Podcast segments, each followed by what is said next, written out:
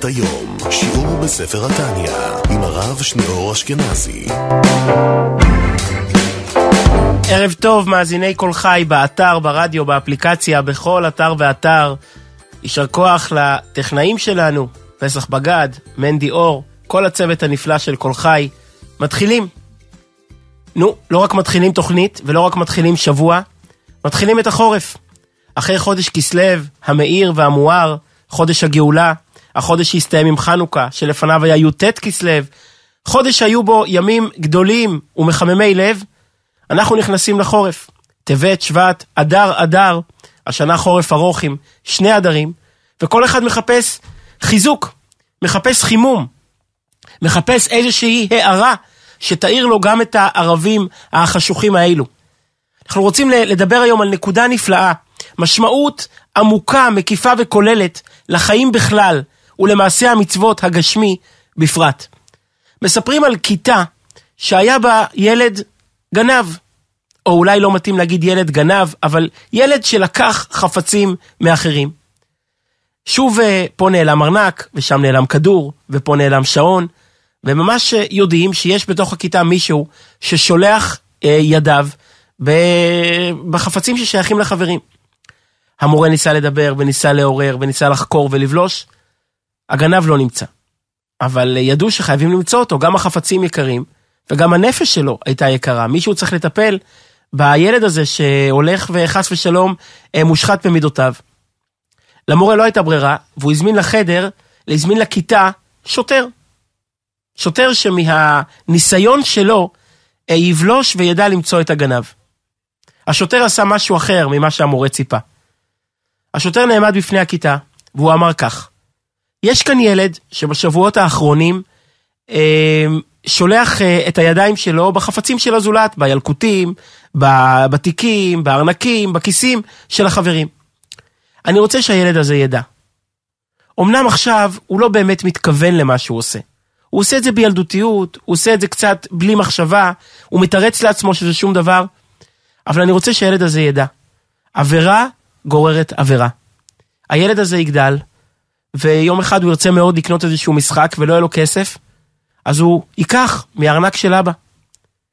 ויום אחד בארנק של אבא לא יהיה מספיק כסף, אז הוא ייקח מארנק אחר שהוא יראה אצל אדם אחר, אצל אישה באוטובוס, אצל אדם אחר שיחזיק ארנק בחנות, וכיוצא בזה. ויום אחד הוא יגדל יותר, והוא כבר ממש אה, ייכנס בלילה לחנות, והוא יגנוב משם כסף או חפצים יקרים. והוא יגדל עוד יותר, והוא ירצה לגנוב עוד יותר כסף.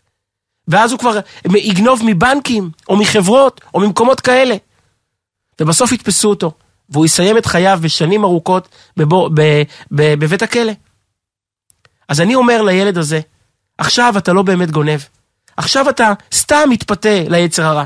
אתה גם לא באמת צריך את כל מה שאתה לוקח. תעצור את זה עכשיו. תפסיק עם זה עכשיו. אני לא בודק ולא חוקר, אבל אני בטוח שמחר בבוקר אתה תדע למצוא את ההזדמנות להניח את החפצים שנלקחו על השולחן של המורה, ואנחנו לא נקיים שום חקירה, ואתה תדע שניצחת את היצר והתגברת על הנטייה הרעה שלך. וכך בדיוק היה. למחרת, כשהמורה הגיע לכיתה או כשהתלמידים הגיעו לכיתה, כל החפצים שנעלמו בשבועות האחרונים חיכו, הם חיכו להם על השולחן. ללמדך שכשנותנים לאדם משמעות, כשמסבירים לו את המבנה הכולל של החיים שלו, כשמסבירים לו את ההשפעה הכוללת של המעשים שלו על כללות החיים, התגובה שלו משתנה. אנחנו חוטאים כשכל מעשה עומד לעצמו. אנחנו חוטאים כשכל מעשה נראה לנו זעיר, לא משמעותי ולא חשוב. אבל כשנותנים משמעות גדולה למעשה, כשהופכים אותו לחלק ממערך גדול ומקיף, אנחנו מקבלים חשק אחר, אנחנו מבינים את המלחמה ולא רק את הקרב, ואז מקבלים את כל הכוחות לנצח את הקרבות הקטנים. זה בדיוק המתנה העצומה שנותן לנו רבינו הזקן בפרק ל"ז בתניא. הפרק הארוך בספר התניא, שהוא לא רק הארוך מבחינת כמות, אלא גם מעביר את אחד הרעיונות המקיפים החשובים ביותר בחיים, ובלי ספק, אחד הרעיונות המהפכניים שהביאה החסידות לעולם. קשה לתאר את, ה, אה, אה, אה, את הניצוצות שמתיז, את ההשפעות שיוצר הרעיון הזה. אין שום ספק שהוא אחד מהמבנים, מהיסודות, מהתשתית של המחשבה החסידית. היחס אל העולם הגשמי. היחס אל החפצים הגשמיים, אל החלק הגשמי בחיינו, החלק הגשמי והחומרי בחיינו. בפרקים האלה אדמו"ר הזקן עוסק בשאלה, למה הגשמיות? למה בעצם מעשה המצוות שלנו מתעסק כל כך הרבה עם גשם? יהודי לא יכול להיות יהודי בלב. המצוות הלבביות הן בסך הכל שש מצוות. אבל 99% מהמצוות הן מעשיות, הן גשמיות, הן חומריות. אם אדם רוצה לשעבד את המוח והלב, הוא לא יכול לכוון שהוא משעבד את המוח והלב. הוא צריך תפילין. תפילין של יד ותפילין של ראש. ותפילין שיש בהם את הקלף, והקלף נעשה לפי כל הכללים. מדיו, על ה... עם, עם, עם, עם, עם סופר מומחה. והצורה הזו של הבית, והצבע הוא של הבית. וכשיהודי בחג הסוכות רוצה לבקש הצלחה על האדמה, הוא לא מבקש בתפילה הצלחה על האדמה, אלא לוקח ארבעה מינים מפרי האדמה. וכשיהודי רוצה להודות על הניסים שישבנו, שבסוכות, שזכינו לאוהלי המדבר, או שזכינו לענני הכבוד, הוא נכנס לסוכה שמשקפת את העניין הזה. ההתעסקות של יהודי מבוקר ועד ערב היא עם מעשים גשמיים, עם חפצים גשמיים. עד כדי כך, כמו שהזכרנו הרבה פעמים, המעשה הוא העיקר. אדם שכיוון את הכוונות מכאן ועד מחר, אבל למעשה לא השיג את המצע לפסח. כי הוא היה באושוויץ, הוא היה במחנה עבודה רוסי, הוא היה בגלות במקום אחר, או לא התארגן נכון עם, עם העסקים שהוא היה בהם, ולא השיג מצע לפסח. אבל ישב מבוקר עד לילה וסיפר ביציאת מצרים כל אותו הלילה. אם הוא לא אכל את המצה הגשמית, את הקמח והמים, הוא לא יצא ידי חובת אכילת מצה. היהדות היא, היא חומרית, היא גשמית, היא פיזית. והשאלה הגדולה, מה המשמעות של הגשם? מה ההתעסקות של הגשם? למה כל כך הרבה? המהלך שאדמו"ר הזקן בונה כאן הוא פשוט מופלא. מעשה המצוות הגשמי הוא תוכנית ענק, רבת ממדים, לחיבור העולם כולו לקדושה. כל מעשה מצווה קטן הוא עוד גאולה. הוא עוד צעד בדרך לגאולה, כשאנחנו גואלים, משחררים, מרוממים ומעלים עוד חפץ, ועוד חפץ, ועוד נקודה גשמית, עוד נקודה פיזית, מגלים בה את הניצוץ הרוחני. מגלים בה וגואלים אותה. והשלמות של כל התהליך תהיה בגאולה העתידה. אז וראו כל בשר כי פי השם דיבר. אז בגאולה העתידה אנחנו נסתכל על השמיים, על הארץ, על הכיסאות והשולחנות, ואנחנו נראה את כוח הבורא. אנחנו נראה את החתימה של הבורא שחתומה על כל חפץ גשמי. הדרך לשם עוברת דרך כל מעשה מצווה. ודרך כל קידוש של החומר. אנחנו נביא לזה הרבה מאוד דוגמאות, אפשר לדבר על זה 20 שיעורים, כי זה אולי, אה, לולא דמסתפינא הייתי אומר, שזה אולי החידוש הגדול ביותר שהביאה תורת החסידות לעולם. ההבנה הזאת שהגשמיות שלנו היא לא משהו שצריכים לדלג מעליו, היא לא משהו שצריכים להדחיק אותו, היא לא משהו שצריכים לגבור עליו, אלא חסיד לא מדבר על ביטול החומריות, אלא על קידוש החומריות. על זיכוך החומריות, על כיוון החומריות לקדושה, על היכולת לכוון את החומר לקדושה, ואז בעצם לגלות את כוח הבורא שבו. לגלות את הקשר של החומר אל הקדושה. בואו נסביר היטב מה אנחנו מתכוונים להיכנס לעומקם של דברים. במחשבה שלנו, החומר הוא מת. כשאני מסתכל על גשם, כשאני מסתכל על שולחן, על כיסא, על כוס מים, על המים עצמם, על הלחם, מהו הגשם? הגשם הוא מת. הגשם הוא דומם, כמו שאנחנו אומרים, אין בו שום חיים, אין בו שום ניצוץ. מה התפקיד שלו? אינני יודע, להסתיר על אלוקות, זה התפקיד שלו. התפקיד שלו זה אתגר בשביל יהודי שיוכל לבטל את החומריות. שיוכל איכשהו לחיות חיים נטולי חומריות. זה ה... לכאורה ככה זה נראה. באה החסידות ומשנה את המבט. החומר לא מת, החומר חי. בחומר יש ניצוץ אלוקי שמחיה אותו. וכשאנחנו מכוונים את החומר לקדושה, כשאנחנו לוקחים דבר מאכל ומברכים עליו, אנחנו בעצם אומרים שהחומר הזה נוצר על ידי הקדוש ברוך הוא, אנחנו מחברים אותו עם הקדושה. אנחנו מעוררים את הניצוץ הפנימי שקיים בו, ומחברים את החומר עם קדושה, ומגיע החידוש הכי גדול, החומר עצמו משתנה. כוס מים שהשתמשו בה למזוג אה, מים או תה בשיעור תורה, זה לא אותה כוס מים, זה לא אותו קנקן מים שלא השתמשו בו. הקנקן השתנה, החומר התקדש, החומר התעלה, החומר הזדכך. הדברים האלה שהיו נשמעים פעם כל כך מופשטים ורוחניים, והאמנו לחסידות ולקבלה, כי יסוד הדברים הוא הרי בכתבי האריזה, היום אפשר אפילו מבחינה מדעית להבין את העניין הזה. ככל שהמדע מתקדם וגילה את המיקרוסקופ וגילה מה קורה בתוך החומר, אנחנו יודעים שהחומר זה המקום הכי חי שיש. החומר הוא מקום רוטט, רוכש מלא פעילות. בתוכו של החומר אפשר לראות במיקרוסקופ, יש אטומים קטנים. ואטומים ותתי ותתי אטומים, שמסתובבים במהירות אדירה, והם מחזיקים את החומר. החומר לא מת כמו שזה נראה מבחוץ. החומר הוא מקום שחי בדרכו שלו, אין בו נפש, אבל הוא חי בדרכו שלו. וזה סימן שכל מקום בעולם יש בו איזושהי אנרגיה. יותר מזה, אנחנו יודעים היום, וזה דבר מדהים, שבחומר יש אנרגיה כזו, עוצמה כזו, שאין ברעיון הרוחני המרומם ביותר. בכוס מים, בכפית סוכר קטנה, בכפית קטנה, עוד לפני הסוכר, בכפית קטנה, בחתיכת שולחן, חתיכת דיקט שיש לפנינו, יש יותר אנרגיה מאשר ברעיון המרומם והמזוכח ביותר. כל החיים התרגלנו לדבר על הנפש, לחפש רעיונות, לחפש סברות, אנחנו כולנו בחורי ישיבה, מאמינים שהעולם קיים בסברות.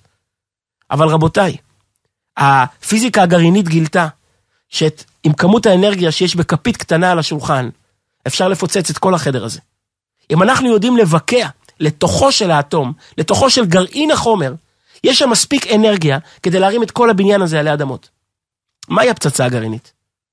מה הם עשו, כל חבורת היהודים שם בפרויקט מנהטן, בשלהי מלחמת העולם השנייה, שהמציאו את הפצצה שבזכותה הם גמרו את המלחמה הנוראה הזו.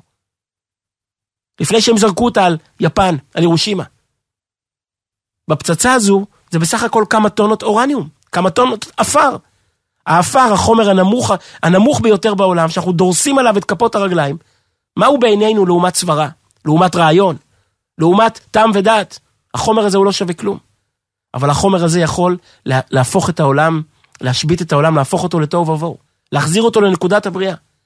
הם מספרים, היה אופנהיימר, שעמד בראש פרויקט מנהטן, בראש פרויקט הגרעין ההוא. הוא מספר שכשהם ערכו את הניסוי הראשון לפצצה הגרעינית, שם במדבריות ניו מקסיקו, הוא אומר שהיה אור כזה, שהיה יותר חזק מאלף שמשות, מאלף זריחות של השמש. כמה טונות עפר. האמת היא שהחומר לא כזה מת כמו שזה נראה לנו. אם אנחנו יודעים לבקע את החומר, אם אנחנו יודעים להיכנס לתוכו, החומר הזה נושא אנרגיה בכמות שאי אפשר לתאר. וזה משל העניין הרוחני. שום דבר לא מת. כל דבר בעולם נוצר על ידי הקדוש ברוך הוא. יש בו ניצוץ. והתפקיד של האדם הוא להביא את הקדוש ברוך הוא הכי למטה. אפילו אל החומר הגשמי, או דווקא אל החומר הגשמי. דווקא אל המקום הכי נמוך. כשאנחנו מקיימים מצווה, אנחנו משנים את החפצים שאנחנו מתעסקים איתם. כדי שהדברים לא יהיו מופשטים, אני רוצה לספר סיפור מופלא, ששמעתי מבעל המעשה. בעל המעשה יודע לספר סיפורים, מאזיני כל חי מכירים אותו היטב, יש לו כמדומני תוכנית קבועה פה רבות בשנים. אני שמעתי את הסיפור הזה ממנו, זכיתי לראיין אותו לפני כמה שנים. הוא כל כך התרגש, למרות שהסיפור התרחש 50 שנה קודם. הוא ביקש באמצע להרים טלפון לאשתו, לרעייתו הרבנית, לוודא את כל הפרטים שהוא מספר את זה נכון. הוא חזר לתוך האירוע. סיפור מדהים.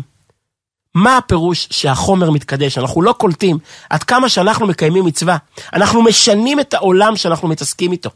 אנחנו משנים את העץ והאבן. וכל מה שאנחנו מתעסקים איתו, זה פשוט לא אותו עץ שהיה קודם. זה נהיה עץ אלוקי, עץ שמתקשר ומתחבר עם הבורא שברא אותו. לפני שנים הייתה לי את הזכות, לפני ג' בתמוז, לפני יום ההילולה של הרבי, היה לי uh, את הזכות לראיין את הרב יצחוק דוד גרוסמן, הרב של מגדל העמק. והוא סיפר לי סיפור מדהים על הרבה. סיפור קיים ברשת, כל אחד יכול לשמוע את הרב גרוסמן מספר בעצמו את הסיפור הזה. הוא מספר שחמישים שנה קודם, um, יש לו בת בשם חיה, אז היא הייתה, כמדומני הבת הגדולה שלו, אז היא הייתה בסך הכל בת 16, נערה צעירה שלומדת בתיכון בצפת. ופתאום צרה. התחילה להתנפח לעין, ולהישפך מהעין מוגלה. וזה היה גם מציק, וגם כואב, וגם מכוער, ובעיקר מדאיג.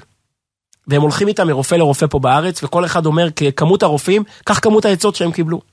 זה אמר שזה אלרגיה, וזה אמר שזה חיידק, וזה אמר שזה יעבור לבד, ו... והם לא יודעים מה לעשות. מה לעשות? בחורה צעירה, במיטב חיה, מה עושים איתה? אמרו לרב גרוסמן שבניו ג'רזי יש מומחה עולמי לעיניים, יהודי, לא אדם דתי, יהודי, בשם פרופסור אורנבלט, שיקבע אצלו תור. אוימר ואויסה, עוד באותו לילה, אה, הילדה, הנערה הייתה על הטיסה, ובשמונה בבוקר נקבע לה תור בניו ג'רזי אצל פרופסור אורנבלט. נכנסו אליו, היה לו מכשור מאוד מתקדם, הוא צילם את העין מכל הכיוונים, והוא ביקש לבוא עוד שלושה ימים אחרי שהוא יפענח את הצילומים. נו, הם יוצאים מהחדר שלו בשמונה ורבע. הנערה אומרת, אבא, אנחנו בניו אנחנו בארצות הברית ועוד לא היינו אצל הרבה. היא שכחה שהיא נחתה רק בשש בבוקר, אבל מבחינתה, בלהט שלה, עוד לא היינו אצל הרבה. הרב גוסמן אומר, נכנסנו לרכב, ואנחנו טסים מניו ג'רזי לניו יורק, להספיק לפגוש את הרבה לפני שהוא נכנס לתפילה.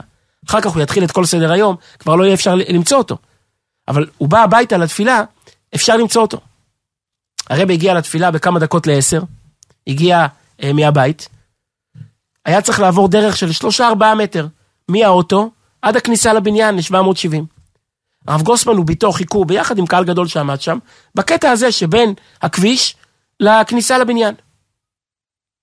הרב הגיע, ובמהירות חוצה את הדרך הזו פנימה, אבל הרב גוסמן שהיה כל כך נסער, עשה באמת מעשה שלא מקובל, ופשוט יצא מתוך הגוש האנשים הזה, גוש האדם הזה, ונעמד בפני הרבה.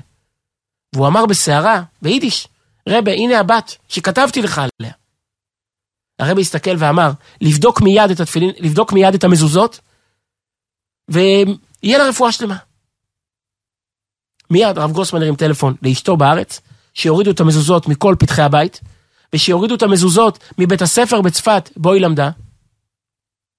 באחת המזוזות בבית הספר בצפת, היה, הייתה חסרה המילה עיניך. עיניך במזוזה הייתה חסרה. מיד קנו מזוזות חדשות, החליפו אותן. וחלפו, ותוך 12 שעות, המצב של העין השתנה לגמרי. אחרי יומיים, היה אמור להיות התור אצל הרופא. הם בכל אופן הלכו לתור, כמו שסוכם מראש. הם הגיעו לתור, הרופא רק מסתכל עליה. הוא מבין שזה לא, לא אותה נערה שהייתה פה לפני יומיים. לפני שלושה ימים. הוא אומר לרב גרוסמן, אני בחיים לא ראיתי סיפור כזה, אני 50 שנה במקצוע. לא ראיתי סיפור כזה. הוא לא ידע מה לומר. כמובן שהצילום כבר היה מיותר והדיאגנוזה הייתה מיותרת, וברוך השם חזרו לארץ, לבריאות טובה. הרב גרוסמן מספר שאחרי 20 שנה, הוא הוזמן לדינר בטינק בניו ג'רזי. הוא נכנס בבוקר לבית הכנסת להתפלל תפילת שחרית. הוא רואה שבפינה יושב יהודי עם הטלית והטלית זרוקה על הראש, ומתפלל מעומק הלב. הוא הרים את הטלית, היהודי הזה מבחין ברב גרוסמן, הוא ניגש אליו. והוא אומר, רבה, תודה שהחזרת אותי בתשובה. זה היה אותו פרופסור אורנבלט, אחרי הסיפור הזה עם הבחורה, נפתחו לו העיניים. הוא התחיל להסתכל אחרת על החיים. זה סיפור מדהים, אבל כשאתה חושב עליו רגע, אתה לא מבין כלום. מה זה המזוזה? מה זה המזוזה? מזוזה זה הרי הגשמיות הנחותה ביותר. מזוזה זה אור, תסלחו לי, שלפני חצי שנה היה אור של פרה, שהסתובבה ברפת, ואמרה מו. אבל זה הכוח של יהודי. כשיושב סופר ירי שמיים, אחרי טבילה במקווה, וכותב קלף של בהמה לשם קדושת סתם, לשם קדושת מזוזה, הקלף הזה מפסיק להיות קלף של בהמה. הוא הופך להיות קנקן, כוס, כלי, לאור אלוקי. ואור אלוקי במידה כזו, שמשפיע על הבריאות של כל בני הבית. הנה המזוזה והספר תורה וקדושת ספר תורה, מנשקים את הספר תורה. מה אתה מנשק? איך נכנסה קדושה בתוך הספר תורה? הספר תורה הוא בסך הכל קלף, שלא מזמן היה קלף של בהמה שהסתובבה ברפת. זה לא איזשהו אה, פיתקה שנפלה משמיא. זה לא אה, אה, לוחות הברית שנעשו מתחת לבנת הספיר, מתחת כיסא הכבוד. זה אור של בהמה שהסתובבה ברפת. אבל זה הכוח של יהודי. יהודי משנה את הגשמיות. יהודי מחבר בין שמיים לארץ.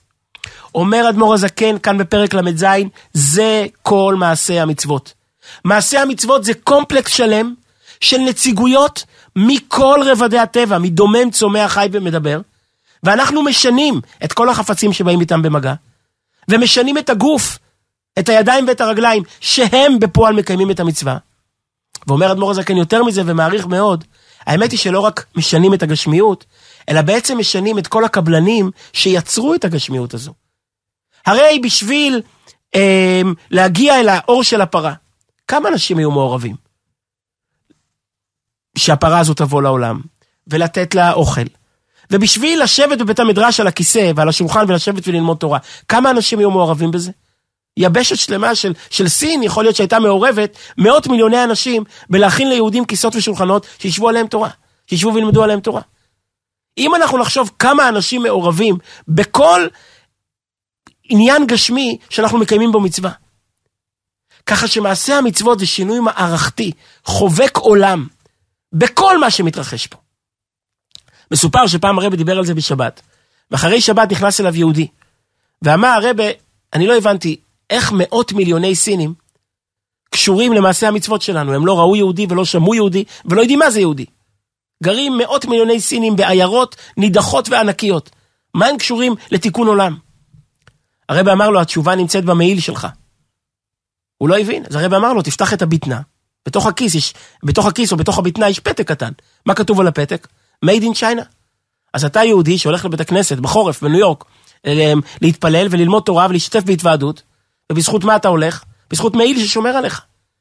כמה הם, הם, סינים היו מעורבים בהכנת המעיל הזה?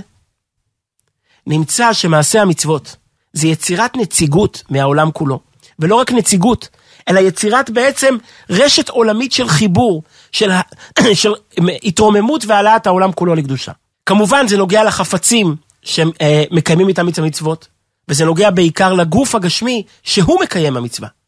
הנפש היא נותנת פקודה לגוף לקיים את המצווה, וככה נמצא, ש... ו... וכמו שהוא הסביר בפרק הקודם, כמו שהוא הסביר בפרק הקודם, הרי הנפש החיונית היא קרובה מאוד לגוף, אז כשהיא, כשהיא מחיה את הגוף, והיא עצמה מזדככת על ידי מעשה המצווה, באיזושהי רמה זה גם מרומם ומשנה ומזכך את הגוף בעצמו. ההבנה הזאת שהגוף משתנה ומזדכך על ידי מעשה המצווה, מסבירה לנו רעיונות רבים בתורה, נביאים וכתובים, ואני אגיד על קצה המזלג כמה רעיונות שהרבא פיתח במהלך השנים. הנקודה הראשונה, שים נא ידך תחת ירחי ותישבע שאתה מביא את רבקה ולא לוקח לבנים מבנות הארץ. כמה זה תמוה. אברהם אבינו מצווה את אליעזר לשים ידו תחת ירחו של אברהם אבינו, במקום המילה של אברהם אבינו, בתור שבועה. למה? כי כשבשעה שנשבעים בב, בבית הדין צריכים להחזיק חפץ של מצווה, ולאברהם אבינו היה את חפץ המילה, היה את מקום המילה. זה המצווה היחידה שהוא הצטווה עליה מאת הקדוש ברוך הוא.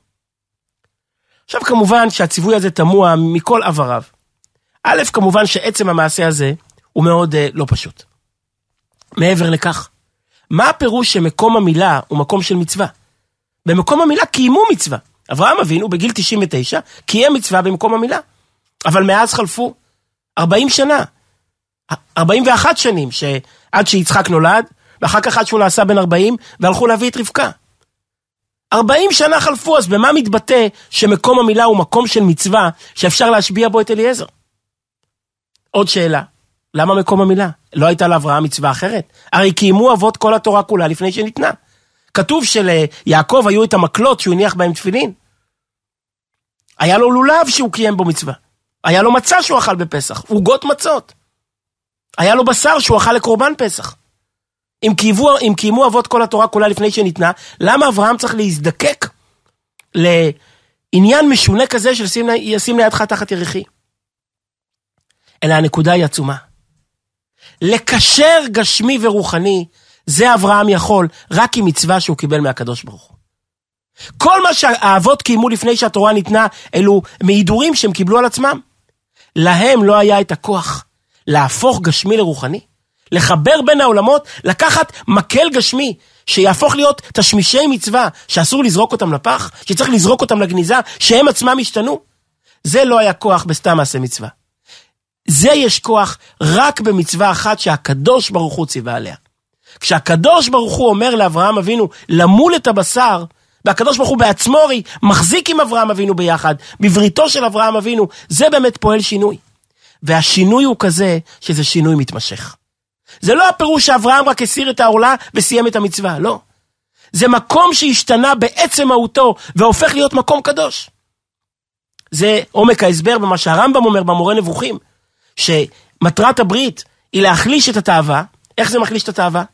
כי המקום משתנה, המקום נהיה מקום שקשור עם הקדוש ברוך הוא בעצמו. עוד דבר מובן מאוד.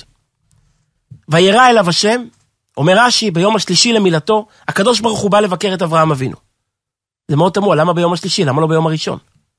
למה הקדוש ברוך הוא חיכה שלושה ימים עד שהוא בא לבקר את אברהם אבינו? אז כמובן המפרשים עונים, כי זה היום המסוכן ביותר, היום השלישי למילתו. ויהי ביום השלישי בהיותם כואבים. אבל זה לא ברור. איפה כתוב שביקור חולים זה ביום המסוכן ביותר? וכי כששומעים שחבר בבית מדרש לא מרגיש טוב, צריך לחכות שהוא יותר לא ירגיש טוב, ואז ללכת לבקר אותו. ביקור חולים זה ברגע שאפשר לעשות לחולה טוב. אז למה הקדוש ברוך הוא מחכה ביום הראשון או ביום השני ומגיע רק ביום השלישי? מה הקשר לזה שזה היום המסוכן ביותר? הרב בשיחה ארוכה ענה רעיון מיוחד במינו. כשהקדוש ברוך הוא בא לבקר את אברהם אבינו, אפשר להבין שזה מביא לו רפואה. אפשר להבין שכשמלאך רפאל בא ביחד עם הקדוש ברוך הוא, זה מביא לאברהם רפואה ויסלק ממנו את הכאב. אברהם לא רצה שום קיצור דרך במצווה. למה? כי מצוות נועדו לשנות את הגוף. מצוות נועדו לחדור בתוך הגוף, לשנות את הטבע. ואם הגוף כואב, הדרך של הגוף לקבל את המילה זה לכאוב, הדרך של הגוף להרגיש את המילה זה לכאוב, ובטח ביום השלישי שהוא הכואב ביותר, אז אברהם אבינו לא רוצה שום קיצורי דרך. הם לא רוצה שום קיצורי דרך הם, הם, הם, הם, בברית. ולכן ביום הראשון הוא לא רצה שהקדוש ברוך הוא יבקר אותו. ביום השני הוא לא רצה שהקדוש ברוך הוא יבקר אותו. אלא רק ביום השני, ביום השלישי, שזה כבר היה, אולי, אולי כבר היה לקראת סוף היום, והכאבים כבר עמדו לחלוף, אז הוא אמר שהקדוש ברוך הוא יכול לבוא. אבל לפני זה, כל עוד, אם צריך, צריכים לעבור שלושה ימים של כאב, אברהם אבינו לא רוצה הם, לעשות שום דבר לשנות בזה. העניין הזה מסביר הרבה מאוד אה, נושאים רחבים. למשל העניין של הקורבנות. אחת השאלות הגדולות ביותר שלא היו, לא היה אחד מבעלי המחשבה שעסק בהם, שלא עסק בהם מהנושא הקורבנות. מה פתאום, מה הנחת שיש לקודש ברוך הוא?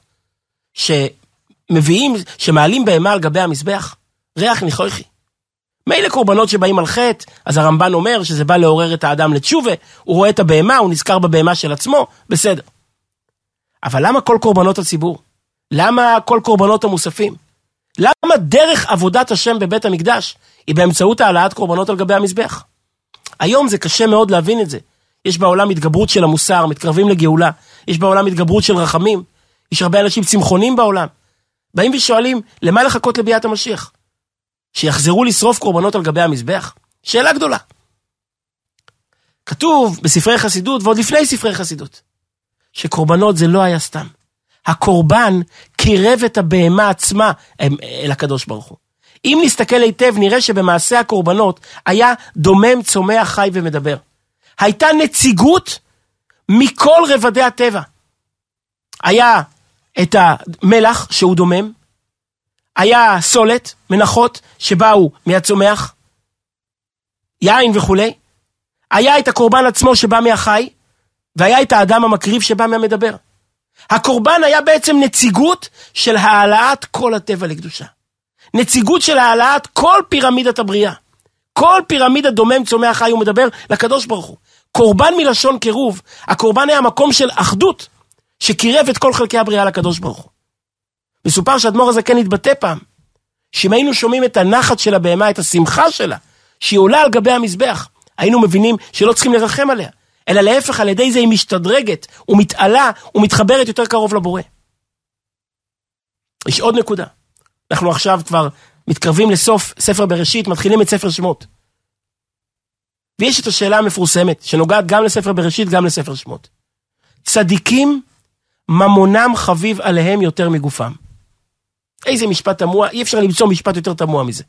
צדיקים, ממונם חביב עליהם יותר מגופם. כך אומרת הגמרא. צדיק אוהב את הכסף שלו יותר ממה שהוא אוהב את הגוף שלו, יותר ממה שהוא אוהב את החיים שלו. וכל אחד אומר, למה זה קשור לצדיק? להבדיל, גם רשע אוהב את הכסף שלו יותר ממה שהוא אוהב את הגוף שלו. מה הפשט בזה? הגמרא מביאה לזה דוגמה גם מספר בראשית, גם מספר שמות. ספר בראשית, יעקב אבינו מסכן את החיים באמצע הלילה, לחזור על פחים קטנים, על כמה קדים שהוא שכח שם. ואז פוגש את אה, שרו של עשיו בחושך, ובניסי ניסים ניצל ממנו כשהוא צולע על ירחו. תחילת ספר שמות, יוכבת, מורחת את התיבה בזפת, בחומר זול, היא הולכת להחזיק שם, להכניס תינוק בן שלושה חודשים, במקום לשים שם שמיכה מחנות בגדים, היא מורחת בזפת, בחומר זול. למה? למנוע את, את כניסת המים, הייתה יכולה לשים בחומרים יותר משובחים, למנוע את כניסת המים. כי צדיקים ממונם חביב עליהם יותר מגופם. מה פשט בזה? אז כמובן הגמרא אומרת, מפני שנזהרים מן הגזל. בסדר, אז עד כדי כך צדיקים ממונם חביב עליהם יותר מגופם? כי נזהרים מן הגזל? עד כדי כך? התשובה הפנימית היא, כי צדיק יודע שכל כסף גשמי שהוא קיבל נועד להתקדשות ונועד להתעלות. צדיק יודע שהשלמות שלו לא נמצאת רק ברעיונות, לא נמצאת רק בדברי שכל, היא נמצאת גם בחיבור כל הדומם, צומח, חי שסביבו, לחבר אותם לקדוש ברוך הוא. והוא יודע שאם הוא קיבל מטבע של כסף, הוא צריך לעשות בזה שימוש טוב כדי לקרב את זה לקדושה. אותו דבר בתחילת ספר שמות, אנחנו נקרא על הציווי שהולך וחוזר ונשנה. לקחת, לשאול מאת המצרים כלי כסף וכלי זהב ושמלות. ובכל הדורות יהודים שואלים, בשביל מה? למה השקר הזה? למה הרמייה הזו? מה העניין לשאול מהמצרים כלי כסף, כלי זהב ושמלות? ואם הנקודה שלו יאמר אותו זקן אברהם אבינו, אז הרי יכולים לאסוף על הים, מספיק כסף וזהב. הייתה ביזת, הייתה ביזת הים שהייתה מרובה מביזת מצרים. אז מה העניין שקדוש ברוך הוא מראש מכוון אותם, וצריכים לא להגיד את האמת, וזה יוצר אנטישמיות ושנאה, כאילו רימינו אותם? מה העניין פה? כתוב בספרי חסידות אותו רעיון. כשיהודים יוצאים ממצרים, הם צריכים להרים את כל הכסף של מצרים. הם לוקחים את הכסף של מצרים ואחר כך מכוונים אותו לבנות איתו את המשכן. עם הכסף הזה, ויקחו לי תרומה זהב, כסף ונחושת, זה הכסף שהם תורמים למשכן אחר כך. זה תפקידו ושליחותו של יהודי עלי אדמות. להביא את הקדושה הכי למטה. להביא את הקדושה אל המקומות הנמוכים ביותר, וזה נעשה בכל מעשה מצווה. אומר אדמו"ר הזקן, שכר מצווה מצווה, אנחנו מחכים לימות המשיח. מה יהיה בימות המשיח? אנחנו מחכים בשביל מעדנים מצויים כעפר? אנחנו מחכים בשביל וראו כל בשר כי פי השם דיבר. מחכים שסוף סוף העולם יצעק את הבורא. העולם יצעק את היצרן. העולם יצעק את מי שיצר אותו. איך זה נעשה? שכר מצווה מצווה זה נעשה על ידי כל מצווה בפני עצמה. כשיהודי מחבר עוד אה, קלף של בהמה, ועוד לולב, ועוד אתרוג, ועוד הדס, ועוד ציצית. וככה הוא מחבר את, את הגוף שעסק במצווה. ואת כל הפועלים ופועלי הפועלים שהיו מעורבים בהכנת החפצים האלו. נמצא בעצם שכל גשמיות העולם הזה מתעלה ומתחברת ומתקדשת, וזה כבר התחלה בזעיר אנפין של הגאולה השלמה, והדברים האלה יהיו ברורים ויהיו גלויים בגאולה העתידה, אז אנחנו נראה את כל מה שיצרנו, נראה את כל האורות שיצרנו והארנו, נראה אותם בצורה גלויה, בקרוב ממש.